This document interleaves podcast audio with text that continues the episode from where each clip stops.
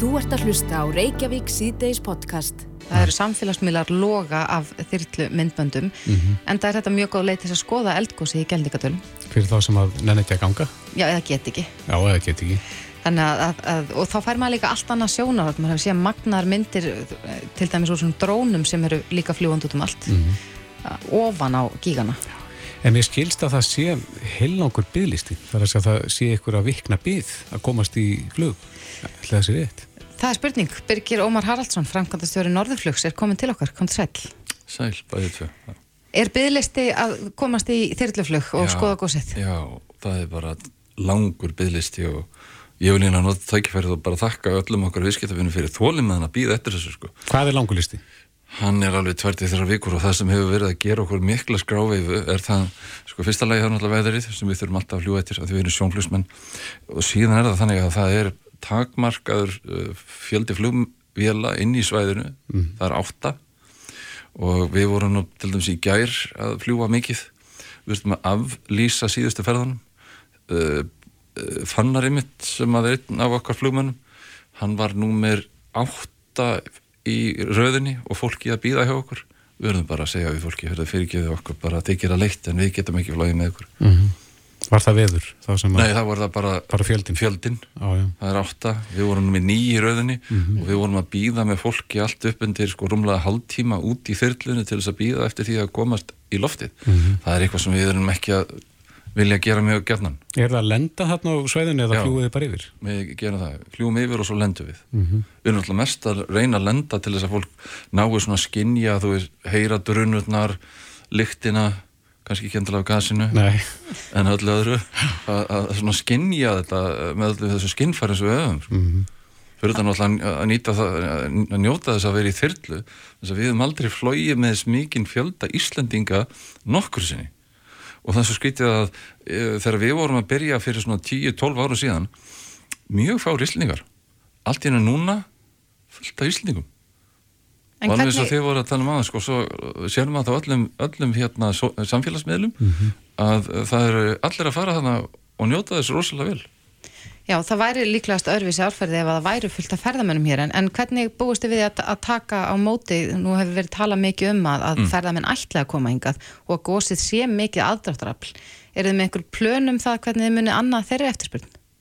Við höfum alltaf bara einsett okkur alltaf mikið að vera að þjónusta alla þá sem vilja fara að gósinu og svona verið ekki að takmarka annars konar frambóð en við erum alltaf bara með ákveðin fjölda þyrlum og, og þær hafi ekki ennþá verið fundnar upp þannig að ég geti strekt á þeim og tekt á þeim sko, það er bara, það virki ekki þannig ennþá sko. Hvað er þið með marga þyrlur? Við erum með þrjár, við erum með langt flestan fjölda þyrlur reikandum hérna á, á Íslandi Og þær eru bara stöðut í nótum?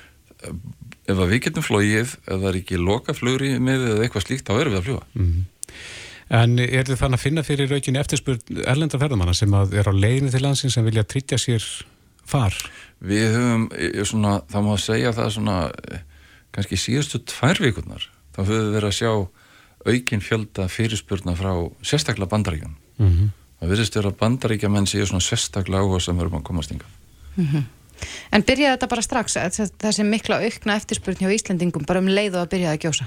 Um leið og að byrjaði að gjósa, þá má segja það að þú hefði bara tekið fyrirtæki eins og þyrluflug eins og okkar fyrirtæki nánast úr bara dvala og þú settir það bara nánast í London Marathon sko. Mm -hmm. það fór, var bara allt yttlust En er þið farin að spá í að stækka flotan þar að segja nú vita vísendamenn eftir hvað þetta stendur lengi þetta getur staðið ykkur ár þess vegna Við höfum nú svo sem ekki kannski velti fyrir okkur í mikli alvöru Er það fristandi? Það má segja að það sé mjög fristandi að gera það þú veist svo sem aldrei um þetta nákvæmlega ef þetta er kannski mörg ár einhverjum tímabóndin alltaf er ekki hægt að ferja alla Íslandingana sko lengur mm -hmm. þá kom útlendingar einhverja leiti staðinn það er volið erfitt að svona skinja þetta nákvæmlega En, en eru, eru þið að fljúa eitthvað annað heldur en í geldingatali? Er, er Helst ekki Nei, en, en er einhver eftirspurn eftir því að bara fara að skoða jökla eða eitthvað slíkt? Núna sem stendur er það ekki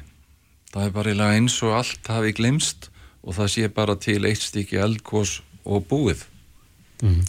Og hver er svo vermiðin? Hvað, hvað kostar að 44.400 mannin Já, það er engi fyrirstað greinilega Það, uh, það má náttúrulega segja það að við erum, það var gerð einhver skoðanakonn uh, vegum mannlífs minnum mig, við erum náttúrulega bara mjög hagstæðir í því, mm -hmm. það verðist ekki vera neinn fyrir staða. Nei. Það má náttúrulega segja það að við erum náttúrulega daldið að ferja fullorðið fólk sem að svo sem hefur kannski ekki getur til þess að vera að lappa þess að hvað ekki 7 kílometrar mm -hmm. þannig að en verðið er ekki að standa neinum fyrir þrifum. Er þetta ykkar helstu viðskiptvinni núna í tengslum við gósi, er það Já. eldra fólk? Það má ég lega segja að það lang mestu luti er eldra fólk en á öllum aldrei reyndar mm -hmm. margir að fara bara með, með fjölskylduna alla mm -hmm. ekkert vandamálu verðið Nei, en þú segir tvekja til þryggja vikna byggð eins og staðan Já. er núna Já. og bygglistin heldur bara að koma lengjast Við hefum nú reyndar aðeins náða að, að vinna hann niður en hann var bara svo svakalega langur sko. þetta var náttúrulega nánast eins og ég veit ekki stundu hverju ég ætti að líka þessu við sko. það komi hingað við mannir 480.000 farþegar á síðast ári þetta er svona nánast eins og allt í hennu kemi ekki, ekki þess að 2,4 sem voru árunni 2018 heldur að væri konur 5 eða 10 miljónir þetta var því bara svona springja mm -hmm. en það sem er náttúrulega að gerast er það að gósið er í alltaf að verða fallegra og fallegra Er, er þá eitthvað að koma í annað og jafnvel þriðaskipti?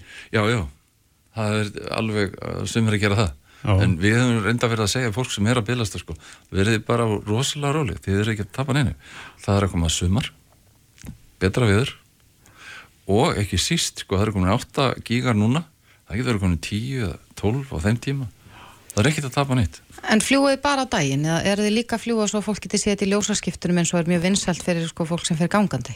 Nei, við erum fyrst og fremst náttúrulega sjónflugsmenn þannig að það eru bara ákveðna reglur sem segja það að við þurfum að vera lendir á ákveðna tíma sem er núna rétt nokkra myndur í tíu að kvöldi. Mm -hmm.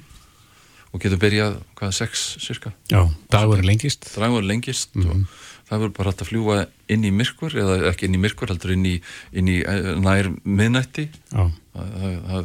Daginn lengi rætt þannig að þú ert bæði með að daginn lengi rætt það er, það er komað sömar gósið er að vera alltaf fallir og fallira býða bara rólegur. Já.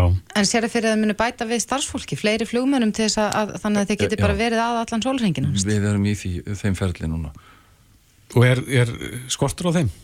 Það er nú ekki, ekki, ekki að segja það sko. Nei, akkurat. Birgir Ómar Haraldsson, frangvandastjóri Norðurflugs. Kæra þætti verið komin og gangi ykkur vel. Já, takk fyrir. Hvað er fólk að tala um? Reykjavík síðdeis á bylgjunni. Bakaríð er opið alla laugardagsmótna frá klukka 9 til 12. Ég er svona dráttarklár, ég myndi segja það. Ég heimsótt hana fyrir Íslandi í dag, þá var hún bara stuttu áður náttúrulega. Hún bara með tvo í útvikun og hann var. Og fókalt hús. Glad. Alla laugardagsmótna. Bakaríð á bylgunni. Láttu ekkert stoppa þig. Stuðningslífar, kompressjónbuksur, hlaupasokkar og hlaupaskór. Eirberg Stórhörða, Eirberg Kringlunni. Þú finnur bakaríið í hag... Þú ert að hlusta á Reykjavík C-Days podcast. Reykjavík C-Days, uh, þáttur á stöðu 2 hefur vætið mikla aðdegli sem heitir Offsóknir mm -hmm. en í síðustu tveimu þáttum hefur verið farið við mál konu sem að má segja fekk á sig eldir helli fyrir réttum áratug síðan og þetta er alveg, þetta eru skjálfilega lýsingar uh, sem að maður heyrði þessum þætti þar sem að fjölskyldan lýsir samskipti sinna við þennan eldir helli. Akkurat. Eh, hann er ekki bara að, að leggjast á þessa konu heldur fjölskyldu hennar líka foreldra og, og barsföður Akkurat og, og þetta er líklega ekki einstæmi og við munum sjá í þessum þáttum fleiri dæmi um, um sko, slíkar ofsóknir, eldirhella mm -hmm. umsátus einelti eins og þetta er held ég kallað Já, en maður sá líka og fann fyrir sko kvölinni hjá þessu fólki og svona hvernig það lísti ráðarleysi kervisins mm -hmm. í allan þennan tíma og margar hringingar til lauruglu sem að stóð bara ráðalauðs og gæti ekki gert. En e, það er nú búið að breyta lögunum í átt til hérna, umbóta. Á línun er Hulda Elsa Björgvinsdóttir sviðstjóri ákjærisviðst hjá lauruglu lauruglustjóran á höfuborgarsæðinu, kom til sæl. Já, komið sæl. Já, þetta eru, eru skjálfileg mál og alveg svakalegt að heyra þessa lýsingar Já og bara því miður er þannig að þetta eru allt og kunnulega lýsingar. Að þetta er ekki einstæmi það sem erum að vera lýsa þarna í þessum þáttum. Nei. Og já. En uh, hversu aldingt er þetta? Sko ég er nú ekki með tölur aftur í tíman en kannski svona til að gefa svona tilfinningu á því hversu algeng þetta er að þá get ég svona sagt það að frá því að, að umsáturs einaltið það ákvæði tók gildur núna í februar síðislinum og síðan þá eru hafa 16 mál komið til meðferðar hérna hjá löglusturum á höfuborgarsvæðinu og ég veit að á landsvísu þá eru þau kringum 24. Já. Eru þau keim lík þar að segja lýsingarnar í þessu málum? Sko það, þessar lýsingar á umsáturs einaldi eru mjög keimlíkar. Þetta er alltaf þessi, þessi háttsemi sem var bara, sem var mjög vel lýst þarna í, í, í, í þætti sem var núna í vikunni. Mm -hmm og hérna þetta er alltaf það að vera að setja sig í samband í, í símleiðis, senda skilabót, vera á þessum stöðum sem aðrir eru, sem við komum að vera á og einhvern veginn, jættil eigna spjöld, að vera að skera á dekk, það er svona hitt á þetta. Í raun og veri er engin takmark fyrir minni bara eftir því hvað ímyndunar byrja leifir sko. Já, en, en eins og þú segir þá er, er stutt síðan að þessi breyting á hefningalögum tók gildi þetta hlýtur að teljast sko hátala 24 mál á, á landsvísu á þessum stuttatíma. Já, þetta segir okkur raun og veru bara umfang þessara mála og, og við hjá lauruglunum við gleðumst virkilega yfir því að það sem komið þarna þá ákvæði sem gefur okkur þá þau verkværi sem við þurfum til að taka strax á þessu. Hvaða verkværi eru það? Það er það að núna er bara búin að lýsa þessari háttinu sem refsiverði sem það brota fríðhelgi og uh, áður fyrir að þá var, var, var ekki beint dressakon sem tók á þessu það að fylgjast með ykkur með þessi í samband við hann mm -hmm. þetta, það, þetta var ekki refsivert brot þannig að einn úrraðin sem lörgla hafði þá var að setja þá viðkomandi nálgunubann og ef við komum til bröð gegn nálgunubanni þá var það orðið sérstaklega brot Akkurat, en kom þessi fjöldi mála ykkur á óvart eða byggustu við því þegar þessi, þessi breyting var, uh, hún var kerið gegn? Ég sjálfur sér ekki, kom, þetta komið mér ekki drosalega óvart, þetta er náttúrulega svolítið mikið en þetta eru bara bísna algengt brot við ákvæmlega aðstæður. Tengist oft eh, heimilisofbildsmálum og það er algjörlega vita það að það er oftast, þessi brot eru oftast í þeim tilvökum þar sem skilnaður á sér stað og, og þá, þá er það gagvart konunni. Mm -hmm. En eru mörg tilfelli það sem að eh, engin tengslir að milli fólks? Já, sko ég hef náttúrulega ekki skoðað þessi mál sérstaklega sem eru komin en, en við vitum það, það er alltaf þannig líka og sem er alveg, alveg með ólíkjendum að, að það, sé, það kannski er eitthvað pínulítið tilöfni og sem leiðir til einhverjar atbyrðrásar sem, sem er meira hattar. Mm -hmm. Kornur eru oftast þólendur í þessu málum að, að við töluðum við hana Sunnu Karin Sigþórsdóttur uh, þáttastjórnandæðum daginn og hún sá, talaði heldur um nýja af hverjum tíu brotum. Er, er það staðan í raun? Sko, annars skilist að þá eru það einmitt konur sem er í miklu meirluta og jættur líka þá börn sem eru það þólundur, jættur kannski svona ópennu þólundur í svona málum. Og e, það var ástæði fyrir því ákvæði var að fara að stað með þetta ákvæði að því að það var talið að, að e, svo lögi sem var, hún væri ekki nægt til að tryggja réttaverð hvenna og barna og uh, þannig að það þótti nöðsilegt að grípa til þessari ástafun að lýsa þessu sem sjálfstafðu eða sem það sem verður verknæði. Mm -hmm. En hver eru viðulögin? Það er að segja hverju eiga menn von á sem að stunda svona í dag? Sko, lámarsrefsing eru sektir eða fangir selta fjórum árum. Það er ansi, ansi breytt.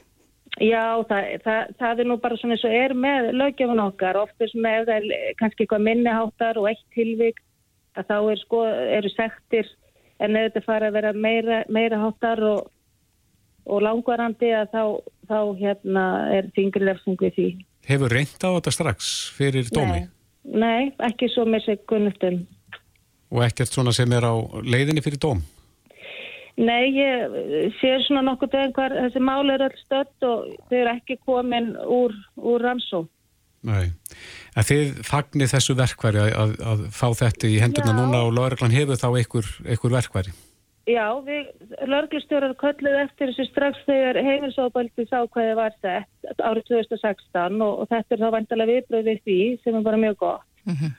Og það sem er kannski líka svolítið sérstætt er að það var í raun og veru fyrst bara á nýjenda áratug sem fara að vera að líta á þetta sem brot en hérna, en Norðurlöndin hafa farið af stað og verið að setja svona ákvæði og, og þannig að við erum komin þarna líka.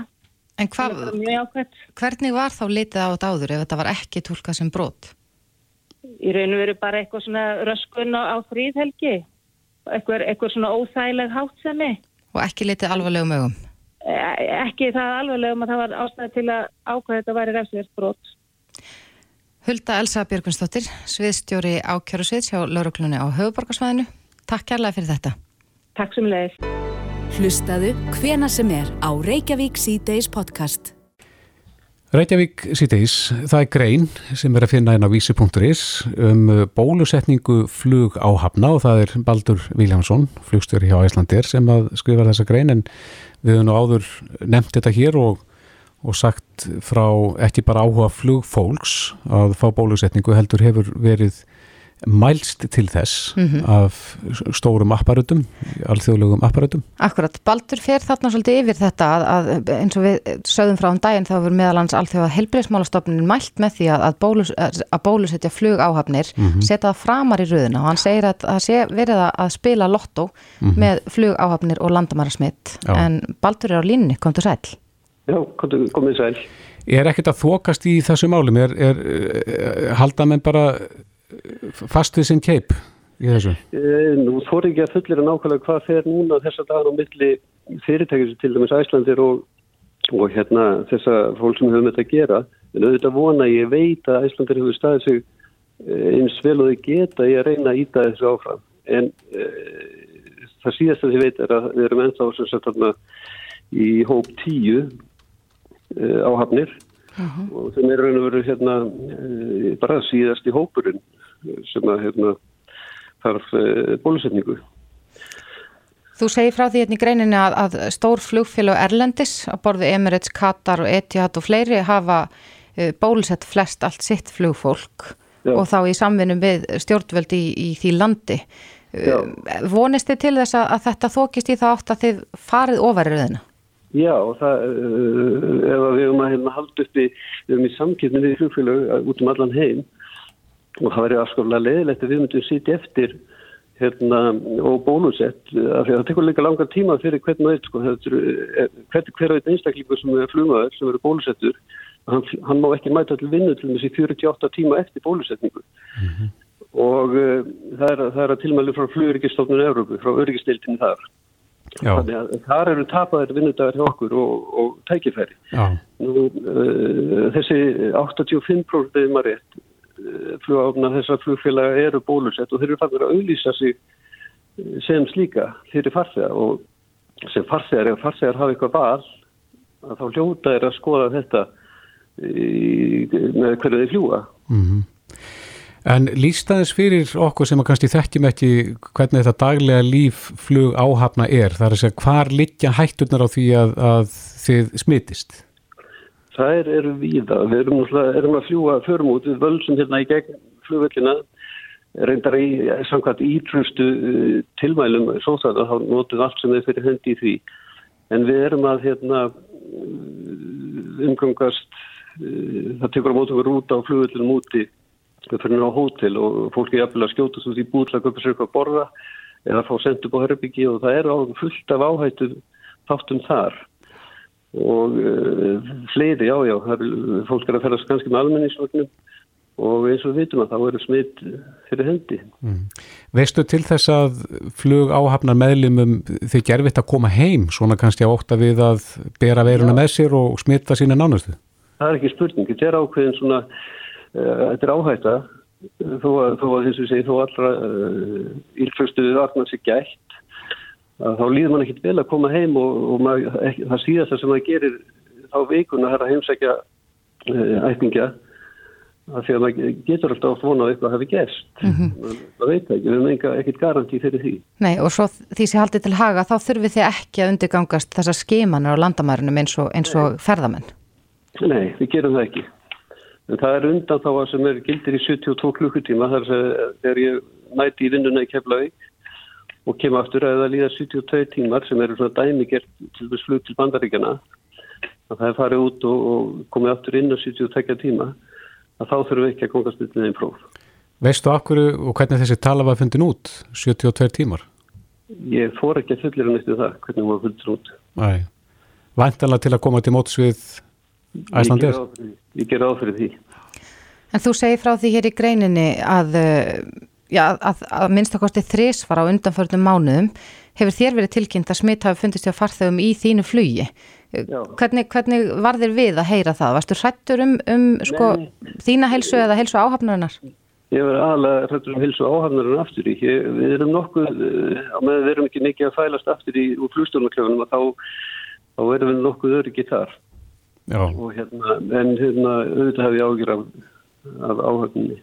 Þannig að þitt helsta áhyggjöfni er þá í raun og veru að, að, að þið geti mögulega að smittast þegar þið eruð erlendis? Já, á ferðarlendis. Mm -hmm. Hefur þið fengið viðbröð við greininniðinni? Uh, já, bara jáka viðbröð frá mikið til frá kollegum, félögum og hérna fólki sem þekkir inn á þetta og veit hvernig gerð mm -hmm. og vil fá, og vil fá úrbætur. Og eru samstarfsfélagar þínir hjá Æslandi er sammála þessari nálgun að, að það ætti að færi ykkur ofar í rauðinni? Ég held það sé alveg, alveg heiklust og reiknaði með því. Það, það sjá það flestir að sérstaklega þegar við erum að horfa upp á önnur flugfélög og ríki fylgja þessum tilvælum alþjóð og helbreyðstofnunar og IK að e, þá skiljum við ekki alveg af hverju við erum, af hverju það er ekki gert hérna heima. Nei. Hvað er það stór hópur? Eins og er í dag erum við, já, ég fór ekki alveg fullir að getur verið nálega 500 manns með flugfröðum og flugmenn? Já. Getur verið? Ekki stærri hópur en það? Nei, ég reikna ekki með því, allavega ekki með hvernig staðan er í dag. Nei, akkurat. Já, það er spurning hvort að hvort að stjórnvöld láti undan. Þetta er náttúrulega ekki smá hérna stopnarnir sem er að mælast til þess. Alþjóð heilbyrðismálastofnunin og flugmálastofnunin og siglingamálastofnunin og fleiri. Nákvæmlega Já. Það er skvítið að það ætti náttúrulega að hlusta á þá, taka markaðin. Akkurat. Baldur Viljánsson, flugstjóri hjá Æslandir. Kæra þakki fyrir þetta. Takk að þið fyrir. Takk að þið fyrir. Reykjavík síðdeis á bylginni. Við sem búum í, í þéttbíli engum á höfuborgarsvæðinu og á Akureyra, Eyjafjallarsvæðinu og, og rendar víðar. Við látum huga reyka og, og finnum fyrir því að það er ekki sama loftið hér eða þar. Þetta er eh, mengunamál sem að fylgja náttúrulega mikill í umferð og, og við heyrum af, af hverju vori kannski sérstaklega af e, svifríki og öðru slíku sem að fer ítli öndun að færi nú. Og mönnum erum hugað um þetta. Við erum hérna hittum á færnum vegi. Þröst Þorstensson, hann er umhverfis og eða öðlinda og umhverfis mála sérfræðingur profesor og hefur kannad sambland þess eða samband þess sem að heitir svifrik og hraði faratækjana og þetta hefur hef nú ekki verið gert sem maður viti vel og, og þaðan á síður sko í raun og veru þrastur hvað svifrik er. Er það aðflutt moldarþoka sem að sest á gödurnar þegar þannig viðrar í vissum áttum eða, eða er þetta uh, eitthvað sem er uppspengt? Já, megni er vegna umferðar og uppspengt malbygg mm. uh, vegna dekja og, og nagladekja sérstaklega. Mm. Er, stóri parturinn eru nagladekk sem spæna malbygg 20-30 sinum hraðar heldur en önnur dekk. Mm. Þannig að þess vegna er þessi áhersla á nagladekk oft að, að þau bara eru þetta mikið virkar í að spæna upp malbyggið mm, mm. og svifrikið sem við eigum við hérna á höfuborgsvæðinu er mestmægnis vegna umferðar. Við fáum vissulega sandstorma og, og, og annað inn yfir mm. borgina mm. og, og það er mold og annað frá vinnusvæðum mm. en, en svona dagstaglega og megin stofnin er, er vegna umferðar mm, -hmm. og það er þá sem sé bæði vegslitið vegna, vegna dekja og svo náttúrulega slitna dekk og, og, og bremsur mm. aukvöldtækja og svo er einnig sveifur ekki útblæstri ja. Þá náttúrulega koma naglarni við sögu Þe þeir gera náttúrulega sitt bæði til gags og, og svo til óþurftar eða Já, þeir, þeir, þeir eru ansið öflugir að tæta upp malbyggið mm. Eh, eins og við sagðum 20-30 falt eh, meira mm. heldur en óneld dekk mm.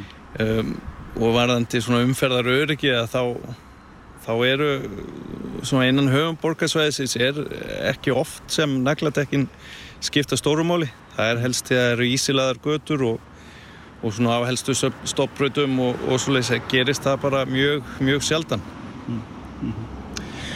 Eh, Nagladekja nótkun hefur hún aukist hér eða, eða, dreigið úr henni eða eh, þetta er kannski staðbundið eftir hvað er borið niður á landinu? Já, ef við miðum bara við höfuborgarsveið þá, þá ef við förum svona 15-20 ár þá voru kannski tveir þriðju bíla ofta á, á nagladekkjum. Kringum svona 2010-12 þá, þá fór það niður í þriðjung bíla. Mm, mm. en, en undanfærin ár hefur það svona verið að skrýða upp undir 45% Mm. og það má nú svolítið reykja það var reykjinn viss áráður gegn nagladekkjum á þessum tíma þegar sem hann fór niður það sem voru að benda á að hafa menga og, og séu kannski að staðstum hluta ónöðsynleg Mm. þannig að, að stundu svona, finnst manni skrítið að hafa ekki verið gert meiri í því Mm, mm. og eins er náttúrulega þróun í, í, í tekninni með dekk, hardkorna dekk og, og, og betri vetradekk Mhm. sem, sem hreinlega eru oft bara jafn góð og, og jafnvel betri við flestar aðstæður Sérðu fyrir þér að, að það veri lagt bann við, við nagladekkjum svona sér til lengri framtíðalítið? Það er nú örgulega alltaf ástæða einhver, einhver ástæða fyrir einhvern að nota nagladekka einhver staðar. Mm. en, en það er ábygglega mjög eðlilegt að, að það sé eitthvað svona gjald. Ég minna að við borgum bifriða gjald að hluti til eftir þyngd aukotækja eftir því hvernig við eigða vegum og annað og hérna nagladekkinu er þetta 20-30 falt öflur í því heldur en venjulegt ekka þá væri kannski ekkit óeðlilegt að það væri eitthvað gjald að hafa nagla undir. Eh, Það er eh, einmitt um miðjan þennan mánuð sem að menn já, huga að þessu eins og ég gati mig upp á sorðum þröstur. Eh, leiðir mann á hugan að því sem að hefur líka verið nefnt og það er að götur höfuborgarsvæðisins og einhver þeir það er hinnar fjölförnu eh, mætti þrýfa betur þar að segja eh, hreinlega þóðær eins og víðast í Evrópu ef maður hefur lesið rétt til um það. Eh, hef, hefur það ekkert að segja? Það myndi án efa að hafa eitthvað að segja en það kem ekki í veg fyrir þetta. Það sem, það sem umfyrðaþungin er bara því líkur að það framlegir nóg af svifriki en við myndum kannski losna svolítið við þessa svona þessa bunga sem við sjáum í kantinum oft og, og hér stærri aukutæki og, og aukutæki fara út fyrir hjólfurinn þá sjáum við oft þessi ský sem kom upp. Mhm. og, og eins getur þetta blásið upp í, í, í hversu vindum. Og við myndum án ef að losna við hluti af því en, en vandamálega hyrfi ekki og það þurfti þá að gera þetta ansi oft til þess að halda því vel niður Og þá komum við að viðkvæmnisvatri og það er það að, að eh, draga úr hraða. Margir vilja nú komast hratt yfir og allt það. En er það er samband á milli svifriksmengunar og ökurhraða? Já, vegslitt og, og dekkjaslitt er bara samkvæmt uh, tilraunum og, og mælingum er nokkuð megin línulegt samband á milli hraða og, og, slits þannig að, að já, með því að draga úr hraða þá dregur úr framveðslu og svifriki Mm. og þetta er bara já, nokkuð vel afgerandi neðustöður og, og, og þessum aðferðum er beitt uh, víða á Norðurlöndunum það er Mm. verið að draga úr hraða uh, kannski sér í lagi einmitt á nagladekja tímafélum það er verið að leggja gjöld á nagladekk Mm. og, og verið að reyna að minka þennan þátt svifriksmenguna því að svifriki er vanda er vandamál í, í flestum borgum heims Mhm. Og tengt við öndunar sjúkdóma eða, eða einhvers konar krankleika? Já, það- það er reyndar alveg ótrúlega langur listi yfir, yfir heilsufars áhrif Suriks og, og Evróp, Evrópska umhverfistofnunin reiknar að það séu hvað, millir 60 og 80 döðsvöld Mhm. á Íslandi sem á reikja til fíns Suriks. Þannig að þetta er eh, mjög vel eh, vitað að hvernig þetta tengist heilsu og hefur áhrif á heilsu. Naglarnir undan, skulum segja að þessu sinni það er bara komið vor, gefum okkur það e, e, geta menn haft meiri og betri samvisku að vera komin á sléttek munar miklu Það munar miklu. Naglarnir eru þetta, já, 20.000 til 30.000 meira að slíta malbyggi. Þannig að það munar hansi miklu strax. Um, og síðan eins og hefur talað um rafbílavængin er náttúrulega mjög jákvætt skref. En þetta er samt partur sem við losnum ekki alveg við þó að sé rafbíl. Vegna þess að þeir eru ennþá á dekkjum og þeir sumi hverjir á nagladekkjum. Þannig að þeir slíta áfram og, og mynda svifrik en hins vegar sleppum við fullt af, af gösum og útblæstri og ögnum úr útblæstri sem oft eru verri heilsufarslega heldur en heldur en svona grófara gatnanslitið sem sagt niðurstaðan uh, hæja verulega umferð og allir á rafbíla Já, fækkaða nagladekkjum held ég sé fyrsta vers og, og, og, og kannski á meðan það gerist að maður mætti kannski eitthvað starf draga niður hraða til þess að draga úr, úr ryggmyndun Þrastur Þrastinsson sérfræðingur, já, í, í þessu sem við erum búin að vera að tala um og, er mörgum hugleikið. Kæra þakki fyrir og vonandi sjá og heyra meira af þessu málum rættið mitt núna á þessum tíma árs. Takk. Takk sem leis. Vertu með í umræðunni. Reykjavík síðdeis á bylgjunni. Bylgjan. Ráðlaður dagskamtur. Fjölbreyttur hátegisverður fyrir fyrirtæki. Valum 22 rétti á viku. Ráðlaður dagskamtur. Vorspringja. Götumarkaður og ótrúleg verð á íþróttafatnaði og skó. Sport 24 átlett smáratorki. Ertu að byggja, breyta eða bæta? Mikið úrval af hardparketi, viðarparketi, flísum og einihurðum. Birgisson, Ármúla 8. Gæði, þjónusta og gott verð. Nú loksins fáanlegt. Ráfæði fyrir hunda. Náttúrulega leiðin til að næra. Gæludýr.is Smáratorki. Þetta er Reykjavík síðdeis podcast. Reykjavík síðdeis og bylginni heldur áfram. Það barast fréttar af því að uh, laurugla var kölluð út að útibúið Dominos í skúlagötu í, í gerkvöld. En þar var óanaður viðskiptavinnur sem var svona verulega ósáttur við það að fá ekki að greiða fyrir pöntun sína með reyðufið. Já. En Dominos uh, hefur ekki tekið við peningum uh, af sóttvarnar ástæðum eftir að kórnuveri faraldurinn hófst. Mhm. Svo sér maður á samfélagsmiðlunum að það eru svona áöldum það hvað fólki finnst, að, taka við e, breyfpenningum eða, eða klingi. Já. Það sé lögeyri landsins. Akkurat, það kemur fram í, í lögum um Sælabankana að, að íslenska krónur séu lögeirir en, uh, en það er spurning hvort að, að þetta sé allt í himna lægi, hvort að, að fyrirtækinum sé í sjálfsvald sett hvernig það taki við krónunum. Mm. Andrés Magnússon er framkvæmtastjóri samtaka Vestlunar og þjónustu. Sæl. Um, hva- hvað segir þú? Er, er þetta leifilegt að, að hætta að taka við peningum? Það líkur fyrir tólkuðun Sælabankans á þessu ákvæði laga, þau eru ekki alveg nýja nálinni þessi lög, þau eru 1968 um gjaldmiðl Íslands sem hverður á um það að penningar og mynd séu lögur inn í landinu. En það líkur hins vegar fyrir tólkuðun Sælabankans á því að þrátt fyrir þetta ákvæði séu uh, verslunum og þjónustu veitindum í sjálfsagt hvort þau taki við sæðlum og, og klingi við uh, sem, sem greiðslu fyrir veita uh, þjónustu. Mm -hmm. Dominos er nú ekki eina fyrirtæki sem hefur bröða á þetta ráð allavega núna svona í tengslu við kórnuveri faraldurinn en, en það er alltaf æg fleiri fyrirtæki sem að, hafa tekið það ákvörðun að hætta að taka við reyðu fyrir. Já, það sé- það- já, já, er þetta sé- Já, alveg tímalust og það sem okkur finnst náttúrulega bæði eins og þú nefnir réttilega að faraldurinn hefur mjög ítt undir það að að hérna draga úr nótkun uh, hérna reyðufjár í viðskiptum og, og beinlýnis uh, þau fyrirtæki sem uh, þarna hafa stíði fram eru uh, með þessu að koma til móts við kvartningu uh, sóttvarnirvöldum að leita alltaf leiði til að draga úr smittum og það, það velkist enginn í vafum það. Að það er ákveðna smittleiðir sem fælast í því þegar fólk er að afhenda sæðla á myndir sko, í, sem, sem greiðslu eirir. Síðan er það líka að sko þetta er náttúrulega bara sko burt sér frá uh, faraldrinu og því sem honum fylgir þá er þetta bara hluti af þróun sem að mun uh, örglega uh, hérna uh, ganga fram með auknum hraða í kjölfar uh, faraldursins að draga meira og meira úr seðlum innfyrð. Ekki bara þessar ástæður sem við erum nefna, heldur er mikil þróun viðsvegar hérna í löndunum kringum okkur að draga úr nótkun uh, seðla og mynda í, í þeim tilgangi að uppræta uh, ólögulega starfsum og draga úr skattsökum. En uh, er það til hægindarauk að, að hætta að taka við myndin? Það er eitthvað óhagræði sem að felst í því að taka við klingi og seðlum?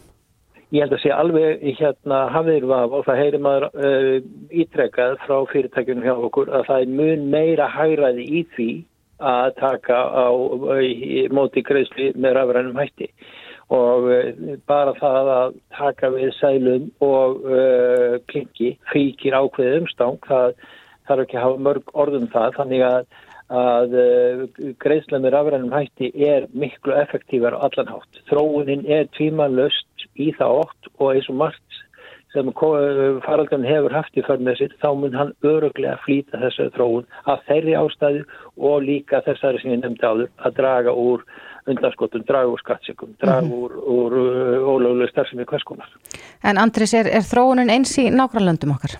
Já, við erum að fylgjast aldrei, erum uh, setja okkur í stellingar að fylgjast uh, nánar með þessu. Það er það sem vitum og, og erum að í, þess, í þess, um þessa myndir við að reyna að afla okkur frekar upplýsingum og fylgjast betur með er að til dæmis svíjar hafa uh, sett sér það margt með að, að gera uh, svíþjóðas að sæðila og myndlausu landi innan örfára ára. Já, en svona til að stryka undir að þá, þá er vestlunum í sjálfsvald sett hvort þau taki við greiðslu í sæðlum eða ekki. Það hafið vafa, það, það liggur fyrir Tulku Sæðalabanka Íslands að uh, verslunum og þjónustu veitinu hvers konar er þetta í sjálfsvöldsett. Já, Andris Magnússon, frangotastjóri samtaka verslunar og þjónustu. Kæra þakki fyrir þetta. Takk fyrir. Reykjavík síðdeis á Bilginni podcast. Reykjavík síðdeis á Bilginni. Það kom fram í fréttum dagsins að Sæðlabankin, hann er að vara við vaksta hækkunum Mhm. ef að verðbólgan lækkar ekki. Einmitt. En við veitum það þetta og það hefur verið svona í, í tengslu við kórnuveri faraldurina að eh, vextir Sæðlabankans eru í sögulegu lámarki eða 0,75%. Mhm.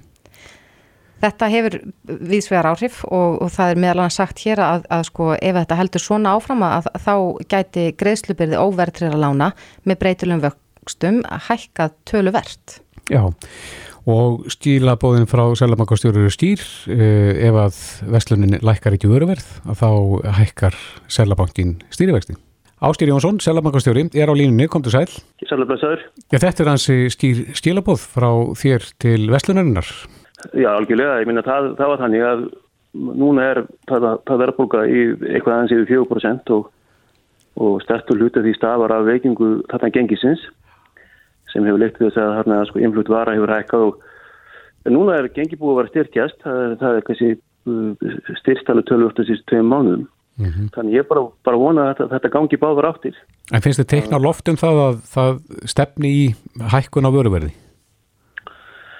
Nei, ég er ekki að segja það hendilega en, en, en ég hefði bara gerna vilja sjá það að, að hækkunum gengi krónuna núna í svona kringum áramótin og hún komi fram með í rauninni lækkun á, á vöruverði og það bara sé mun komin.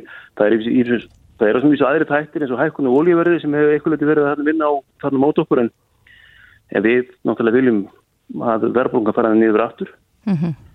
og ég, við reyndar höfum mjög góða vonir um það sko, reyndar. Akkurat. En, En eh, eins og ég saði hér áðan þá gæti greiðslubyrði óvertrið að lána með breytilum vöxtum breyst töluvert. Hva, hvað er töluvert Eh, fyrir fólk sem að er með slík lán? Við hverju gætum þar þurft að búast? Já, sko, um, nú, núna eru stýrjústi selamáks 0,75, mér minna það er doldið lágt, um, um, leið og hagkjöru tekur aftur við sér og þá um, munum vantilega vestinir hækka. Það er sín náttúrulega spurningum, sko, hversu fljótt það gerist. Ég, ég, ég held í rauninni að hagkjörfið er því, miður í einhver tíma að ná sér eftir, uh, eftir enn sóttar tíma Mm -hmm. en hérna en náttúrulega ég er bara aðal eins og verður endalega fólk náttúrulega taka lán til lengri tíma og, og enna margar ára og, þá bara ágætt að hafa, þau huga að það er gott að hafa hann borð fyrir báru og það er mjög gott að við, við, við viljum að fólk njóti þess að vexti séu lágur og við við, við telum að það sé bara þetta besta mála en líka þá að hafa hann að vara ná sér að, að þeir hann að kunna að hækka og, og þá fólk verður svona með miða sína hann áallanir við það Já, en er ástýrætt að segja að, að einhver ákveðin tala séu æskilegir vextir? Nei, ég raunin ekki. Við, sko, við, við, við erum að, um, sko, almennt séð hefur vakstastig í, í landinu lækkað. Og við erum ekki að fara að sjá aftur uh, svona vakstartölur uh, eins og við sáum í hérna fórtíðinni. Og þetta er líka stafar eins og með öðrum þáttum við erum til þess að núna að nota gældurisforðan til þess að þess að halda gengi krónastöðu, við erum ekki að stílinu og vaksta minni útlönd eins og var gert inn áður, menn það var ekki forði um, og leiða fólk vera á breytilega vexti þá fáum við meira afl í því sem við erum að gera þannig við erum ekki að horfa vantilega á eins mikla reyfingar í vöxtum eins og var hérna hérna áður. En minna en þeir sem alveg þarna getur hækkað í framtíðinu og, og það sem við, við, við þurfum núna að hugsa um núna er þarna við, við viljum að ná aftur verðbúkunni niður. Eins og segðan, ég við, ef við erum að sjá fram að það að einhvern veginn að fyrirtekið sé nýttið sér tækifæri til þess að velta hækkunum út í velagi, þá er það ekki góð hlutur sko. Já, en e, mjög lágir vextir stila sér þá líka í því að spari fyrir fólks, það nánast eigðist inn á rekningum bankana?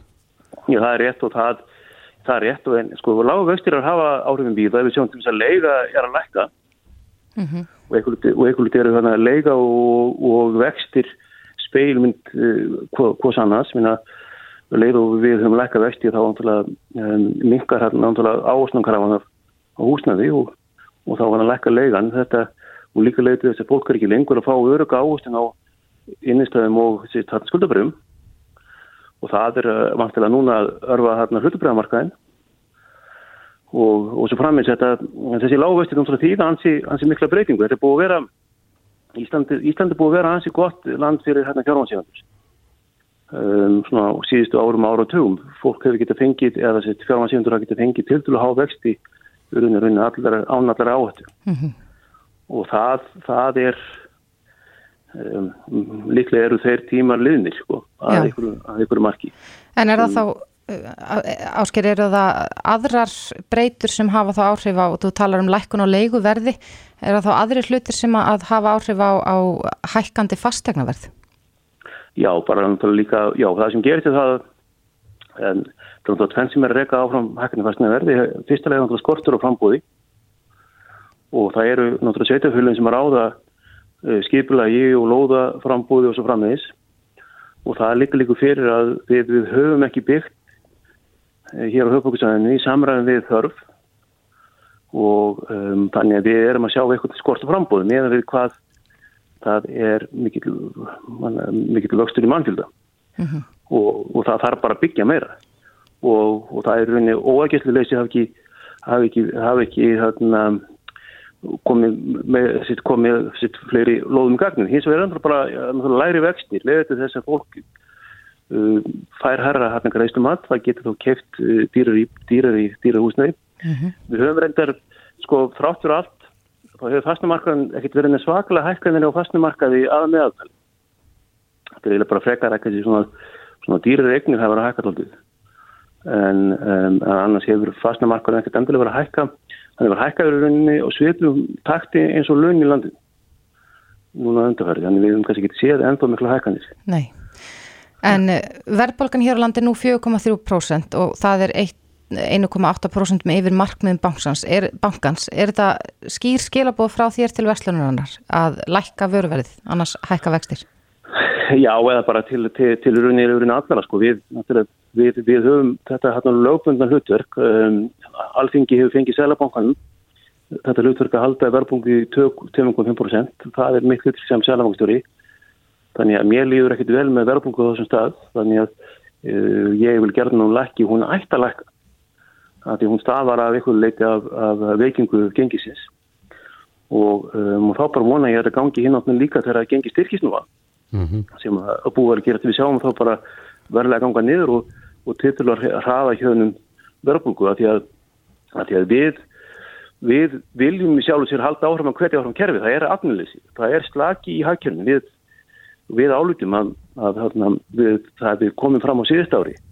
Að peningastefnin er að virka mjög vel. Við, við höfum náðað uh, öllum okkar markmiðum að varandi örfu eftirspunni og þarna, við vildum gerðin halda því áfram. En, þarna, en saman saman tíma líka verðum við að, að, að gæta því að við, uh, við séum, séum að halda að verða stöðu við, við, við höfum ákveðin skildu við þarna sko fólkið í þarna landinu að halda hann stöðu um þarna kaupmæti sem við tökum, sem við tökum mjög um, alvarlega. Mm -hmm. Ég hjó eftir því að þú sagðir að, að við færum aldrei aftur í þessa háu vexti sem að voru svo ríkjandi hér í íslensku hækjörfi á sínu tíma. Eh, Það er ekki rétt með því að mér. Jú, það er líka kemur til að því ef við erum með fleiri stýritæki sem við erum að beita og, um, og líka það að við, um, við erum fleiri stýritæki um, sem við erum að beita, við erum líka með gældurisforða sem við höfum líka verið að beita eins og við höfum séð, við höfum hann að stutt við gengi krónunar, gerum það sérstaklega setjum til síðast árs að varna því að gengi vektist endilega mikið meira heldur en það gerði Mm -hmm. og við hefum eitthvað selt eitthvað 160 millera á gældir í þess að þau stiðu krónuna þannig að hérna, við höfum fleiri tæki við, við erum með kerfið og aðeins undir betri stjórn sko, heldur en- heldur en var áður En Ásker, þessar vakstahækkanir eru óumflýjanlegar á einhverjum tímapunkti. Já, mun, mun þetta vera gert í skrefum eins og þú segir að Já, hækkum 25 punta og svo þar fram eftir götum? Já, algjörlega við, við, munum til að hérna, það er þannig að við munum til að fara um, hérna, varalega á stað uh, þegar það kemur. Ég svo veit ekki nákvæmlega hvernig, hvernig það gerist eh, eins og, eins og við segjum við munum til að erum með, með fleiri hérna, sko, stýritæki um, um, sem að við getum beitt líka um, og, það, og það getur verið um, til dæmis núna líkur fyrir að peningastjarnin hefur í, haft aldrei mikil áhrif á fastnæmarkaði, minni uh, áhrif á að hérna, lána bankanum til fyrirtæki eða, eða til nýra sko, fjárhástinga og um, þannig að hérna, æðist, þannig að kannski mögulega munum við reyna að beita tækjum sko til þess að reyna að hafa heimil og fastnæmarkaði við reyna að örfa sko fjárhástingar ef, svo staða upp Einmitt. og þannig að þarna, en, en lífið er ekki er ekki þarna sko einfalt eins og við veitum vantilega. Já, já, við heyrum það. E, Ástyr Jónsson, Selabankastjóri, kæra þakki fyrir þetta. Takk, takk þér. Reykjavík síðdeis á Bilginni podcast. Reykjavík síðdeis, tækninni flegi fram og um, það hefur nú verið spurt að því oftar en einu sinna tvisverði þessum þætti, hvort að það ekki eftir að nýta tæknina betur þegar kemur að umferðinni. Akkurat. og hefur ótt verið vísa til uh, mála eins og þau eru víða í Londonum í kringum okkur þar sem að aukumenn fá í rauninu upplýsingar í rauntíma um ástand vega uh, hvort það séu vega framkvæmdir hvernig umferðin gengur og annað slíkt og í morgun var haldinn kynning á uh, miklu fannafæra skrifi sem að vegætjæðin er að stíga í þessum málum Já, þetta, þessi fundur, morgunverða fundur bara heitið færð og veður beint í bílinn og Einmitt. það hljómar nú ekki illa. Nei. Greipur Gíslason, ráðgjafi hjá vegagerðinni upplýsingatekni málum, uh, lísti þessu meðan annars á þessum fundi í morgun og hann er á línunni, kom til sæl. Komið sæl. Já, er þetta bara bresta á núna?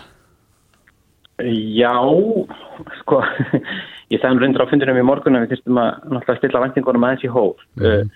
Þetta gengur uh, þannig fyrir, sér, fyrir sig að vegagerðin hefur sér lokið fyrsta fasaverkefnisinn sem snýst um að koma þessum upplýsingum sem vegagerðin hefur nú þegar staðið sér vel í að gefa út á vef sínum og, og víðar í gegnum tíðina aðgengilegt fyrir upplýsingatækni fyrirtækin eða hvað ég segja leiðsögu fyrirtækin út í ennum stóra heimi. Já. Þannig að því er lokið. Nú er eiginlega boltin hjá þeim. Þegar þú segir sko alþjóðlega leiðsögu fyrirtæki eða leiðsögu þjónustur, erum við að tala um þá Google Maps eða, eða hvað er þar undir? Já, til dæmis uh, og á, mér sýnist að svona sagt, okkar kannski svona nokk, svona, ef við segja svona frjálslu mælingum þá sýnist okkur það nú vera vinsera hér á Íslandi, Google Maps Mm -hmm. en við erum líka að tala um uh, fyrirtæki sem uh, veita upplýsingar inn í innbyggði leiðsögu uh, leiðsögu tæki sem eru í bílunum Mm -hmm. Uh, í mælaborðunum jafnvel eða, eða, eða þess að auðvitaðnuleikjandi svona GPS-tæki, Garmin-tæki eða svo leið sem eru sett til viðbútar á bíluna. Í bílhildæmi stundum hægt að leia með bílalegu bílum og þá maður kannski horfa til, uh, horfa til ferðarfólks og svo framvegð. Þetta snýstast um það að að upplýsingarna sem vegagerinn hefur verið með í sínum vefþjónustu myndafarið og, og hafa verið aðgengilegar en hverjum sem, sem þær vil þá í og, og hugsalega þessum fyrirtækjum líka eru núna komin á tungumálið sem þessi fyrirtæki kjósa sjálf Mm -hmm. og, og bara þó að það, þó, svo það sé sagt þá fengum við þær upplýsingar og vegagerinn hefur svo sem fengið þær upplýsingar áður að, að þessi stóru fyrirtæki sem eru út í heim og eru bara að einbæta sér að því að koma miljónum manna á milli uh, hvað segja, Brussel og Gent eða Brussel og Amsterdam í ákveðum stórum hraðbrutum, það er kannski beigja sér ekki eftir þessum bröðmólum hérna upp á Íslandi það er að segja, beigir sér ekki mjög langt eftir þeim, en núna þegar þeir, þeir eru komnir á það tungumál sem þeir kjósa, þá eru líklega að þeir pekja það upp og, og tengi við sína gangurna. Þeir þurfa sérst ekki að gera neina þýðingar eða leggjast í mikla forrituna vinnu til þess að ná í þessar upplýsingar núna frá vegagerðin. Þeir geta bara stremt þessu beint frá vegagerðin og í tækin sín? Í, já, þeir þurfa, sko, hugsaðlega, við veitum nú að hérna, það geta verið ímis millistikki sem eh, þarf til þess að geta hlaðið síma sinni útlöndum. Þetta er svona, svona kannski hérna, eins farið að, að hérna, fyrirtekin gæti þurft að setja ykkur smá vinn í að, að svona hvað ég segja aðlaga ströyminn frá vegagerðinni til inn í sína gagnaveitur en svona þetta er eins langt og vegagerðin kemst í þessu mm -hmm. en sko í að búa til þennan ströym en svo er þetta mjög margt eftir sem hægt er að bæta við þetta og mikil áhuga á því innan e, vegagerðarinnar og, og, þessu tengt á hugsaða líka hjá sveitafélagunum og ekki síst á hér á höfbróksæðinu. Já, en getur líst fyrir okkur hvað uh, hvaða upplýsingar er þetta og hvernig getur þetta nýst okkur sem erum Já. á ferðinni? Já, e, mikilvægt að komið fram líka að, að vegagerðin leggur áslá og þetta er ekki bara fyrir uh, hérna vegfærendur sem eru í bílum þó að fundurinn hefði heitið því svona nittna nafni. Þetta er líka fyrir aðra vegfærendur bæði gangand og hjólandi en þetta snýstast um það að þessar upplýsingar sem vegagerðin hefur verið að gefa út núna bara á færðarkostunum sínu um uh, þess ekki einn á vegagerðin.is sem þið -hmm. skoðið og segja frá vetuna uh, um hálku og vind og snjó og lokanir og ófærð og svona. Þessar upplýsingar verða núna aðtar aðgengilegur þessum fyrirtækjum. Þannig að ef við tökum dæmi að hérna e, um kannski þú sem e, ferðamæður þið sem þið ætla að skella ykkur norð til akkurar í fyrramálið og, og setið inn í leysjútækinu ykkar bara Reykjavík og hérna Bautin og Akureyri eða eitthvað mm -hmm. og, og drýfið ykkur norður og þá e, þá kemur sér að sér, leið, getur leiðsögukerfi núna að séð að vegagerðin er búin að loka e, e, einhverjum part af leiðinni og leggur til þá aðra leið í staðin. Akkurat. Teknar tæki þá sjálfkraf upp. Þeim dæmi, þekkt dæmi í þessari leið, þá kannski holdt að vera heiði lokuð mm -hmm. en, og þá sér leysugutækið að hún er ófær en leggur til að fólk fari um, um bröttubrekku og þá lagst alls hefði staðin. Já, já. En eh, hversu, er þetta á hverju strandar þetta núna? Er það fyrirtækin sem að, þessi tækni fyrirtækin sem þurfa þá að, að grýpa þennan bolta? Eða er, þarf vegagerðan að gera eitthvað frekar í þessum málum? Nei, sko ég vil ekki strax byrja að tala um strand uh, í þessu uh, því að þess, strandarinn ekki á neina núna, núna er við þess, með þessum fundi í morgun þá var vegagerðin formlega tilkynna öllum umheiminum að þessar upplýsingar væru aðgengilar á þessum staðli mm -hmm. í, á þessu tungumáli, forriðunar tungumáli sem við Datex uh, og, og núna fara fyrirtekin í, í að, tengjast þessu uh, ég ætla samt að geta lekið því í þennan þrönga hóp ykkar að við vorum búin að hafa aðeins samband við nokkur af þessum fyrirtækjum áður og áfundum í morgun var fulltrúið frá því stærsta, sem heitir Here Technologies mm -hmm. eh, sem er að veita upplýsingum inn í margskonar eh, bíla, Toyota, Mitsubishi, eh, Audi og fleiri bíla sem eru með þessi tæki. Mm -hmm. Þegar svo þetta gerist, þá kemur þetta til að gera sjálfkrafa í nýjustu bílónum en við þurfum komið til með að leiðbina fólki hvernig það getur nálgast á þessar upplýsingar. Það getur verið að í einhverjum bílum sem eru kannski eldri en tveikja, tryggja ára að það þurfið sérst að ná í uppfærslur inn í bara fyrir kortagrunnuna eins og, eins og gengur að og e-bílegundur kannski kunna það og þekkja hvernig það er gert. En Greipur, þú sagðir hér upp að við ættum að stilla vendingunum í hóf og, en Já. þú sagðir einniga að Google Maps væri svona kannski hvað vinsalast hér á landi. Hvenar megu við svona já, láta okkur dreyma um að sjá þetta í Google Maps? Já, við uh, uh, sko, já, það er uh, fyrst kannski borgar sig að átt að sjá því að að hérna, það er ekki víst að Google ákveða að nota allar upplýsingarnar. Okkur sýnist til dæmis í Nóri að Google er ekki að byrsta endilega mikið upplýsingar um hálku en til byrsta allar lokanir til dæmis mm -hmm. og svona þannig að þeir kannski velja eitthvað aðeins út úr, út úr menginu en, en við lögum áherslu á að klára þetta núna snemvors þannig að við varum allavega að segja með þetta alveg næsta vetur. Þannig að þegar snjórin byrjar aftur að koma í haust að þá sé þetta komið sem -hmm. Það er, svona, var okkar takmark. Okkar óskýrur og, og, og eins og hann gerumund hjá hér í morgun sagði á fundinum, hann talar um uh, vikur en ekki mánuði þessu samingi þannig að kannski framkvæmdir einhverjum malbyggsframkvæmdir sumar í Reykjavík og svona, uh, þær myndir kannski detta inn. Og, og í því samingi að þá geti bent á app þar sem þetta kemur til með að byrtast sannlega fyrst af öllum stöðum og við komum til með að kynna það þar kemur. En það er frá þessu fyrirtæk sem heitir Here og þetta app heitir Here We Go og það er að ná í það í alla snjálfsíma. Þannig að maður getur líka tengt snjálfsímana þetta við skjái í mörgum af þessum nýju bílum með hvað þetta heitir CarPlay og, og, og fleiri svoleiðis lausnum. Mm -hmm. Þannig að þetta þarf ekki að vera í þessum, hug, nei, hvað sé að tækjabúnaði sem er fastur í mælaborðinni bílunum heldur er líka eftir að nota þetta með símanum þannig að Google, Google Maps og Apple Maps uh, Waze sem mjög margir á Íslandi nota líka og, og svo hérna uh, þetta Here We Go Já, þetta hljóma spennandi og, og á eftir að spara einhverjum tíma þegar að tæknin fara að teikna upp nýja og fljótfarnari leið Ekki bara tíma, heldur vondi verður þetta líka til þess að fækka bílum sem keira að við veit ekki betur inn í skabla og holtaverði heiði því að það er verður ófæri en það er ekki búið á lokunum þannig þannig að, e, þannig að þetta sparar vonandi líka einhver handtökja hjálparsveitum og, og viðfarsælum við að koma fólki til hjálpar. E, það er skiptið mjög mjög máli og, og svo hérna í fjettbílunu þegar að e, framkvæmtíminn fyrir hönd og sumrin og hugsanlega líka núna ég hafði dranga borgarlínu að Að, að þá sé hægt að stýra umferðinni aðra leiðir í staðin Já. það eru takkmarkið sem er gott Þetta hljóma vel, Greipur Gíslason ráðgjafi hjá vegagerðin í upplýsingateknimálum Kæra þakki fyrir spjallið Takk sem leys. Þetta er Reykjavík C-Days podcast.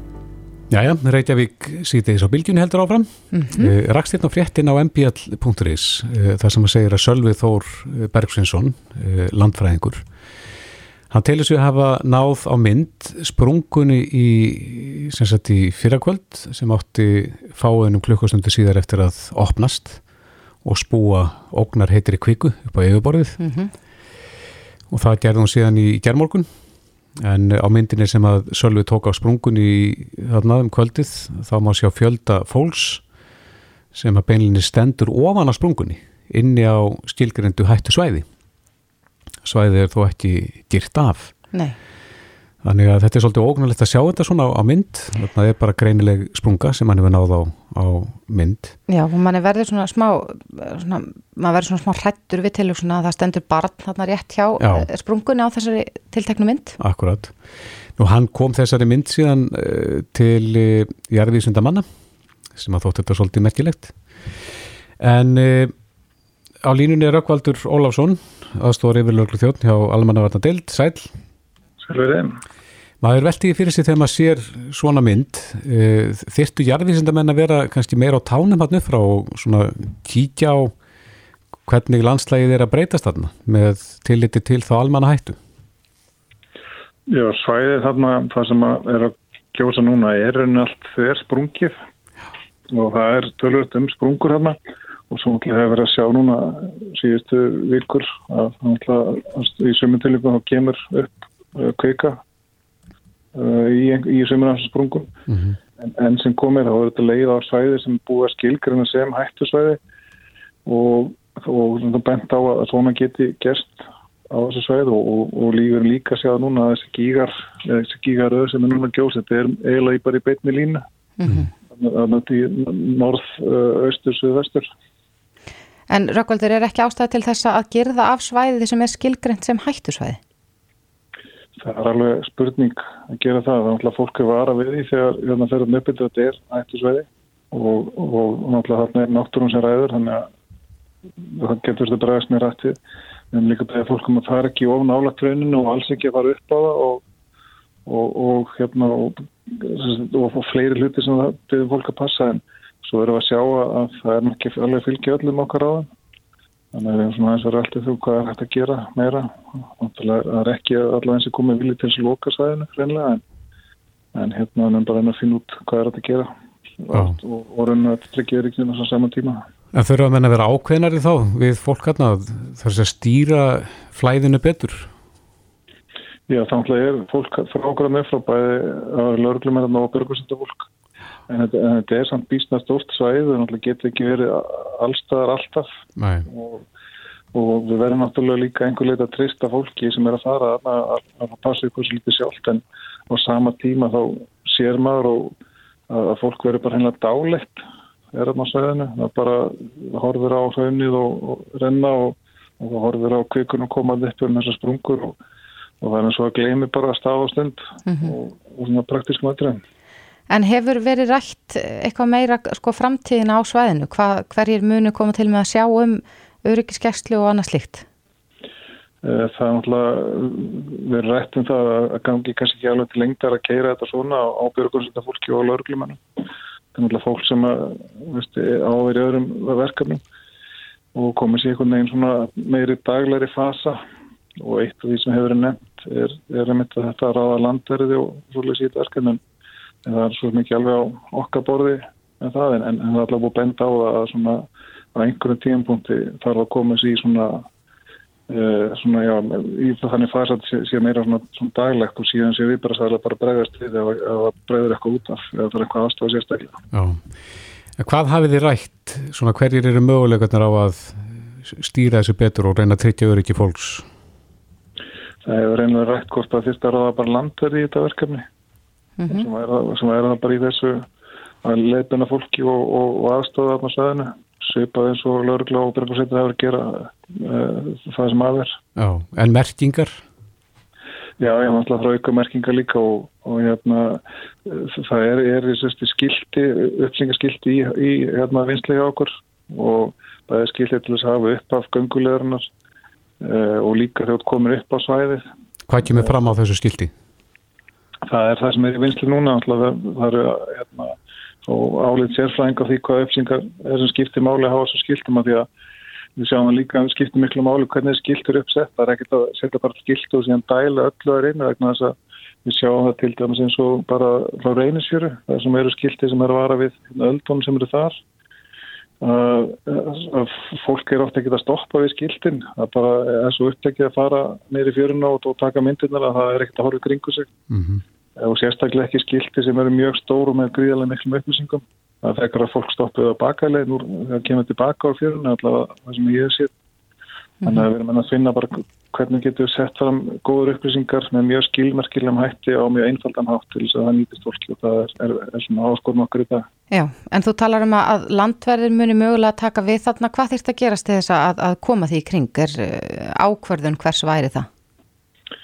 Já, það er náttúrulega stjórnvalda að, að ákveða það og þá er saman við, við, við fleira aðila e, og svo náttúrulega þarf Uh, hvernig fólk að verkefna þess að hvaða þjálfun vilja þetta fólk hafi og, og, og hverju síðan er, er verkefni þeirra. Uh, þannig að þetta er sjálfsög ekkert eitthvað sem er hrist fram á erminni að það er í þessa breytinga Nei, einmitt. Rákvaldur Óláfsson aðstofar yfir lörglu þjóttn hjá Almannavarna Dild Kæra þætti fyrir þetta. Takk svo mjög